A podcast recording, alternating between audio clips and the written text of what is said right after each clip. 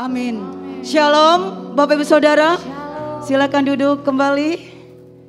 Bagaimana kabarnya jemaat Tuhan yang ada di tempat ini? Luar biasa. Kita luar biasa karena kita punya Allah yang luar biasa, dahsyat dan ajaib. Puji nama Tuhan, sore hari ini kembali saya berada di tempat ini karena kemurahan dan kebaikan Tuhan. Sekali lagi terima kasih buat Gembala Sariwangi yang sudah memberikan kesempatan untuk menyampaikan benih firman Tuhan. Saya teringat satu pepatah mengatakan, tak kenal maka tak sayang. Saya rindu disayang oleh jemaat di tempat ini. Oleh sebab itu, mungkin sebagian ada yang belum mengenal saya, ada yang sudah mengenal saya. Nama saya Nyoman Persiani, saya berasal dari Bali. Orang tua keluarga besar saya masih menganut agama Hindu. Tetapi dari sekian kami bersaudara, Tuhan menangkan saya untuk percaya kepada Tuhan Yesus. Kalau ada sampai saat ini semua karena udara Tuhan, semua karena kebaikan Tuhan. Oleh sebab itu sore hari ini mari bersama-sama kita di tempat ini untuk kita boleh mempelajari satu kebenaran firman Tuhan. Saya nggak ada apa-apanya tanpa Tuhan. Saya nggak bisa berdiri di sini kalau tanpa Tuhan. Karena saya tahu saya terbatas, saya manusia terbatas. Apalagi saya latar belakang tidak mengenal Tuhan Yesus. Tapi saya Tuhan tangkap saya, saya dimenangkan dan saya percaya Tuhan sendiri yang memampukan saya. Sehingga saya boleh berdiri di sini untuk menyampaikan satu kebenaran firman Tuhan. Mari bersama-sama saya akan mengundang Bapak Ibu Saudara untuk kita membuka firman Tuhan. Kita bersama sebuka dari Filipi pasal yang keempat. Filipi pasal yang keempat ayat 11 sampai dengan 13. Demikian firman Tuhan. Kukatakan ini bukanlah karena kekurangan. Sebab aku telah belajar mencukupkan diri dalam segala Aku tahu apa itu kekurangan dan aku tahu apa itu kelimpahan. Dalam segala hal dan dalam segala perkara tidak ada sesuatu yang merupakan rahasia bagiku. Baik dalam hal kenyang maupun dalam hal kelaparan. Baik dalam hal kelimpahan maupun dalam hal kekurangan. Segala perkara dapat kutanggung di dalam dia yang memberi kekuatan kepadaku. Sedemikian jauh firman Tuhan yang sudah boleh saya bacakan buat Bapak Ibu Saudara. Saya mengambil satu tema dari ayat-ayat ini yaitu memiliki mental sebagai seorang pemenang. Amin. Memiliki mental sebagai seorang pemenang. Kita percaya bahwa hari-hari ini kita tidak pernah lepas dari yang namanya masalah pergumulan di dalam kehidupan kita. Dan selama kita hidup, terus saja proses demi proses akan kita hadapi. Tantangan dalam kehidupan pasti kita alami. Tetapi ketika kita bersama dengan Tuhan Yesus, kita adalah orang yang menang. Bahkan dikatakan lebih daripada seorang pemenang. Oleh sebab itu mari hiduplah kita di dalam Kristus. Kita harus memiliki jiwa seorang pemenang. Sikap kesederhanaan. Sikap hati dalam hal perekonomian, mental seorang yang siap kaya, siap miskin. Ini mental. Kemudian kaya, tidak sombong, miskin. Kita kekurangan, tidak minder Artinya bahwa kita adalah orang-orang percaya yang harus memiliki sikap mental sebagai seorang pemenang. Artinya bahwa kita harus siap sedia menghadapi sesuatu yang tidak baik maupun situasi yang baik. Kita harus tampil sebagai orang percaya yang memiliki sikap mental sebagai seorang pemenang. Amin. Saya percaya kita semua yang ada di tempat ini, kita adalah orang-orang yang sudah dimenangkan oleh Tuhan. Kenapa saya katakan demikian? Karena Tuhan sendiri yang mengangkat kita dari lembah kekelaman. Tuhan sendiri yang sudah menebus seluruh dosa-dosa kita dan memenangkan kita. Dan Tuhan menjadikan kita lebih daripada seorang pemenang. Oleh sebab itu Bapak Ibu Saudara, bagaimana caranya untuk menumbuhkan sikap mental sebagai seorang pemenang? Ada caranya.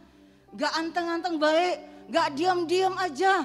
Kalau kita mau memiliki sikap mental sebagai orang pemenang, maka ada rahasianya yang pertama, kita lihat ayat yang ke-11 demikian firman Tuhan. Kukatakan ini bukan karena kekurangan. Sebab aku telah belajar mencukupkan diri dalam segala keadaan. Hal yang pertama, cara kita untuk menumbuhkan sikap mental sebagai seorang pemenang dari ayat ini. Yang pertama, belajar mencukupkan diri dengan gaya hidup sederhana. Dikatakan di sini, belajar mencukupkan diri dalam segala keadaan. Amin. Yang pertama, belajar mencukupkan diri dengan gaya hidup sederhana. Mungkin kita sulit untuk melakukan hal ini. Karena kita cenderung berfokus pada keadaan. ketimbang kepada Allah. Seringkali sulit kita melakukan hal ini. Seringkali kita sulit untuk belajar mencukupkan diri dengan gaya hidup yang sederhana susah. Rahasia hidup bahagia. Rahasia hidup bahagia adalah belajar menangani perasaan kita waktu senang, waktu susah. Waktu kita kelimpahan dan saat kita kekurangan dan percaya Tuhan setia memenuhi kebutuhan hidup kita. Amin. Kita mau belajar yang pertama untuk menumbuhkan dan memiliki mental sebagai seorang pemenang, kita harus belajar mencukupkan diri kita dengan gaya hidup sederhana. Kalau Tuhan kasih berkat segini, kita kelola dengan baik berkat itu. Kalau Tuhan kasih berkat lebih, ya kita kelola lebih lagi. Jadi mencukupkan diri dengan apa yang ada dalam diri kita. Dengan apa yang kita punya. Jangan kita malu dengan keadaan kita. Apa yang kita punya, apa yang kita miliki. Jangan kita sok jadi orang gaya-gayaan seperti itu. Tapi satu hal firman Tuhan ayat 19 dikatakan bahwa Allahku akan memenuhi segala keperluanmu menurut kekayaan dan kemuliaannya dalam Kristus Yesus. Pegang firman Tuhan ini dan perkatakan bahwa Allah kita adalah Allah yang kita percaya yang bakal memenuhi keperluan hidup kita menurut kekayaan dan kemuliaannya di dalam Yesus Kristus. Jangan pernah kita takut. Tuhan gak sampai buat kita jadi orang yang minta-minta betul. Tuhan gak akan buat kita miskin-miskin, tidak. Tetapi Tuhan akan buat kita hidup apa? Kelimpahan, hidup berkelimpahan. Itu janji firman Tuhan. Bahkan dia akan memenuhi segala keperluan hidup kita. Menurut kekayaan dan kemuliaannya. Oleh sebab itu saya sering sekali membagikan ketika saya bawa firman kepada jemaat. Saya katakan seperti ini. Udahlah kita hidup pas-pasan aja betul. Hidup pas-pasan aja mereka sempat melongo. Kok pas-pasan? Orang Kristen kata hidup berkelimpahan. Maksud saya pas perlu ini ada. Pas perlu ini ada. Pas butuh mobil ada. Saya bilang itu pas-pasan. Artinya bahwa pada saat kita membutuhkan sesuatu ada. Itu hidup pas-pasan. Hidup di dalam kasih karunia Tuhan. Luar biasa kita punya Tuhan. Dia Allah yang senantiasa memenuhi. Bahkan dikatakan di dalam doa Bapa kami Matius 6 ayat 11. Berikanlah kami pada hari ini makanan kami yang secukupnya. Tidak ada di situ yang banyak-banyak Tuhan. Kalau banyak siapa mampu makan sebanyak mungkin? Sepuluh piring mungkin tidak mampu. Tetapi doa Bapa kami mengajar, berikanlah kami pada hari ini makanan kami yang secukupnya. Jadi ini hal yang pertama bahwa Bagaimana caranya kita untuk menumbuhkan sikap mental sebagai seorang pemenang? Yang pertama rahasianya belajar mencukupkan diri dengan gaya hidup sederhana. Jangan kita sok-sokan jadi orang yang oh ya yang beruang lah, ya kan. Kalau kita memang Tuhan kasih segini, ya udah mengucap syukur aja, terima kasih Tuhan. Hidup seadanya aja. Kalau kita hidup seadanya kita enak enjoy ya kan. Seperti tadi pas-pasan aja lah. Pas perlu ini ada, enak jadi orang orang Kristen. Saya bilang enak banget. Saya juga merasakan enak loh. Tinggal ngomong aja sama Tuhan. Sebab dia apa? Dia pemberi berkat bagi kita. Dia sumber berkat bagi kita. Ngomong aja sama Tuhan. Tuhan akan penuhi semuanya. Dan hal yang kedua, bagaimana cara kita untuk menumbuhkan sikap mental dalam kehidupan kita sebagai orang percaya. Kita lihat ayat ke-12. Aku tahu apa itu kekurangan dan aku tahu apa itu kelimpahan dalam segala hal dan dalam segala perkara tidak ada sesuatu yang merupakan rahasia bagiku, baik dalam hal kenyang maupun dalam hal kelaparan, baik dalam hal kelimpahan maupun dalam hal kekurangan. Yang kedua, apa yang harus kita miliki supaya kita memiliki, uh, yang harus kita lakukan supaya kita bisa memiliki sikap sebagai orang-orang pemenang. Yang kedua yaitu belajar bersyukur, baik dalam kelimpahan maupun kekurangan. Belajar bersyukur. Ini adalah teladan Paulus bagi kita semua Paulus berusaha menyesuaikan diri dengan setiap kondisi.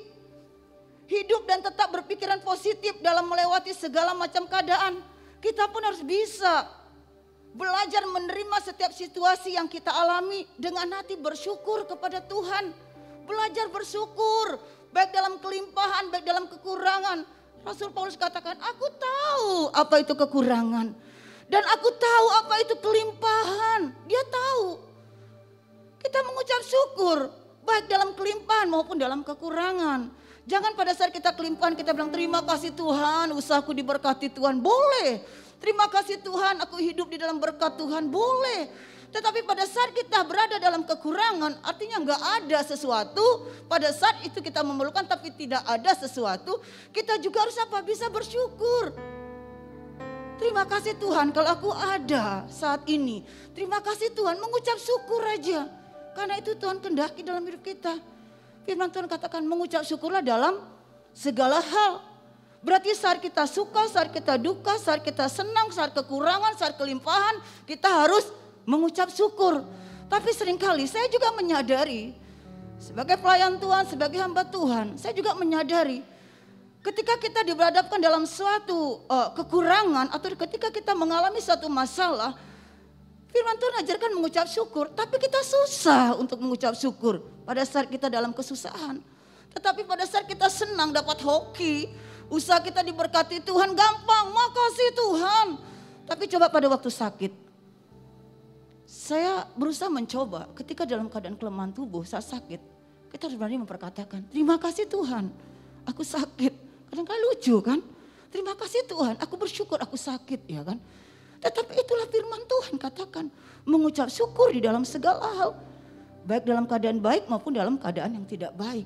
Mengucap syukur. Karena ada satu kuasa yang luar biasa ketika kita menaikkan rasa syukur kita kepada Tuhan. Oleh sebab itu Bapak Ibu Saudara, mari tumbuhkan bagaimana kita memiliki sikap mental sebagai seorang pemenang. Kita belajar bersyukur. Baik dalam kelimpahan maupun di dalam kekurangan. Dan yang ketiga, kita lihat ayat 13 dikatakan seperti ini. Segala perkara dapat kutanggung di dalam dia yang memberi kekuatan kepadaku. Segala perkara dapat kutanggung di dalam dia yang memberi kekuatan kepadaku. Hal yang ketiga, untuk kita boleh menumbuhkan dan memiliki mental sebagai seorang pemenang. Yang ketiga, kita harus belajar percaya. Kita harus belajar percaya dan berserah kepada Tuhan. Kita belajar percaya berserah sama Tuhan. Mazmur 37 ayat yang kelima mengatakan, serahkanlah hidupmu kepada Tuhan. Dan percayalah kepadanya, dia akan bertindak. Mazmur 37 ayat 5 jelas mengatakan, serahkanlah hidupmu kepada Tuhan dan percayalah kepadanya, maka dia akan bertindak. Tapi nggak segampang itu. Ketika kita diperhadapkan sesuatu yang yang luar biasa, pergumulan yang sangat berat dalam hidup kita, firman Tuhan katakan serahkanlah. Serahkanlah hidupmu kepada Tuhan. Saat kita menyerahkan ini loh Tuhan masalahku, ini loh Tuhan pergumulanku, ini loh Tuhan yang kuhadapi, proses yang kuhadapi. Tuhan suruh serahkan. Dan percaya bahwa dia akan bertindak. Tapi kalau kita hanya menyerahkan setelah kita serahkan sama Tuhan, Ketika aku bilang kita Tuhan, aku serahkan Tuhan. Tetapi setelah kita menyerahkan kita mikir lagi, bisa nggak ya? Kira-kira aku lepas nggak dari pergumulan ini? Kembali kita mengingat. Tetapi sepenuhnya 100% kita menyerahkannya kepada Tuhan. Paulus mengakui bahwa kekuatan dari Kristus memampukannya melakukan kebajikan moral dan mencukupkan diri dalam segala keadaan.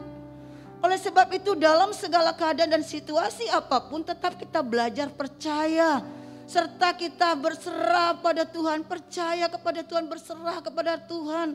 Jangan kita khawatir akan hidup kita. Jangan khawatir akan segala apa yang kita, oh aku nggak tahu besok mau makan apa ya. Aku nggak tahu nanti ke depannya masa depanku kayak gimana ya.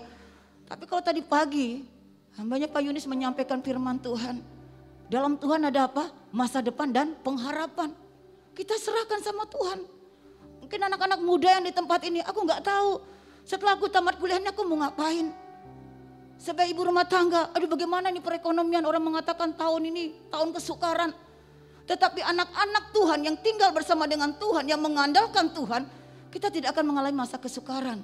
Dan pada saat kita mengalami masa itu, tentunya ada jalan keluar yang terbaik dari Tuhan dengan cara apa? Menyerahkan semuanya kepada Tuhan dan percaya kepada Dia. Belajar, jangan khawatir. Matius 6 ayat 34 katakan, Sebab itu janganlah kamu khawatir akan hari besok. Karena hari besok mempunyai kesusahan sendiri. Kesusahan sehari cukuplah untuk sehari. Belum tentu hari ini kita susah, besok kita susah. Enggak. Ini janji firman Tuhan. Jangan kamu khawatir akan hari besok karena hari besok mempunyai kesusahan sendiri. Kesusahan sehari cukuplah untuk sehari. Bapak Ibu Saudara dikasih Tuhan. Mari belajar kita percaya, berserah kepada Tuhan. Kita sungguh-sungguh mengandalkan dia dalam hidup kita. Jangan kita mengandalkan kekuatan kita, serahkan. Satu pujian saya ingat seperti ini. Serahkanlah hidupmu padanya. Serahkanlah seluruh persoalanmu. Sebab di dalam namanya ada jaminan kekal di dalam segala perkara. Serahkan. Ketika menyerahkan, jangan kita ambil lagi. Tanda orang berserah kita apa? Angkat tangan. Ketika kita mengangkat tangan kepada Tuhan, berserah ini Tuhan. Maka izinkan Tuhan apa? Turun tangan. Ada bagian yang kita lakukan, izinkan Tuhan melakukan bagiannya dalam hidup kita. Jangan salah tempat. Terkadang kita salah tempat. Kita mengambil apa yang menjadi bagiannya Tuhan. Tapi lakukan apa yang menjadi bagian kita. Mungkin saat ini ketika kita dalam pergumulan proses yang berat, bagian kita apa? Berdoa, ngotot sama Tuhan. Berserah. Ada satu tindakan kita berdoa kepada Tuhan. Dan ketika kita berdoa sungguh-sungguh, izinkan Tuhan melakukan bagiannya. Angkat tangan, serahkan sama Tuhan. Maka Tuhan akan senantiasa menjawab semuanya. Serahkan semuanya, percaya aja. Mungkin saya dari latar belakang tidak mengenal Tuhan Yesus. Saya nggak tahu siapa itu Tuhan Yesus. Saya nggak tahu apa itu keselamatan. Tetapi kita saya mau menyerahkan hidup saya secara pribadi kepada Tuhan. Saya bersyukur. Saat saya menyerahkan dan percaya kepada Yesus, saya mengalami satu perubahan dalam kehidupan saya secara pribadi. Tuhan luar biasa menolong, memberikan segala sesuatu. Tinggal ngomong. Enak sekali saya bilang jadi orang Kristen. Kalau ingin apa, berdoa. Tinggal ngomong sama Tuhan. Tapi kalau saya di agama saya yang dulu, nggak bisa seperti itu. Saya harus pergi dulu ke pura, saya pakai baju dulu, baju adat. Saya pergi bawa saya sajen ya kan. Harus rapi segitu. Tetapi di dalam Tuhan, setelah saya meninggal menerima Tuhan Yesus, saya merasakan Tuhan enak banget. Lagi belum cuci muka aja udah bisa ngomong sama Tuhan betul. Udah bisa ngomong Tuhan terima kasih buat hari ini amin ya kan. Enak banget. Itulah bukti bahwa kita punya mental sebagai seorang pemenang. Miliki mental sebagai seorang pemenang. Jangan kita mau ada dalam keterpurukan terus. Memang diizinkan Tuhan kita mengalami proses. Diizinkan kita suatu saat berada di dalam lembah. Tetapi saya percaya kebenaran firman Tuhan mengatakan bahwa jika kita jatuh Tuhan gak boleh kita sampai tergeletak. Sebab apa? Tangan Tuhan yang menopang kita. Tangan Tuhan yang memberikan kekuatan. Tangan Tuhan yang menolong kita. Ketika apa? Ketika kita percaya dan berserah kepada dia. Jangan 50% percaya sama Yesus. Jangan 30%, 80%. Tetapi saat kita menyerahkan hidup kita kepada Tuhan, menerima dia sebagai Tuhan dan Juru Selamat kita, 100% hidup kita berikan buat Tuhan. Ini aku Tuhan. Aku mau percaya kepada Tuhan. Sampai kapan pun mau terjadi badai persoalan, pergumulan apa pun Tuhan. Aku tetap percaya sama Yesus dan berserah kepada Tuhan. Oleh sebab itu Bapak Ibu sudah dikasih Tuhan, mari bersama-sama sore hari ini. Kita mau memiliki mental sebagai seorang pemenang dalam hidup kita. Sehingga setiap persoalan yang kita hadapi, saat kita berserah sama Tuhan, kita boleh mencukupkan diri kita dengan gaya hidup kita, dengan apa yang Tuhan berikan dalam kita, kemudian kita bersyukur kepada Tuhan. Saat kita kelimpahan, saat kita kekurangan, maka saya yakin firman Tuhan akan digenapi dalam hidup kita. Kita akan menjadi orang-orang yang menang. Bahkan lebih daripada pemenang. Berikan kemuliaan bagi Allah kita. Haleluya. Mari Bapak Ibu Saudara, kita percaya dan serahkan hidup kita sepenuhnya kepada Tuhan hari-hari ini. Seberat apa pun persoalan yang kita hadapi, andalkan Tuhan. Andalkan Tuhan dalam setiap kehidupan kita. Sebab dia satu-satunya Allah dalam hidup kita. Dia Allah yang selalu ada bagi kita. Mari miliki sikap hati yang selalu mengandalkan Tuhan dalam hidup kita.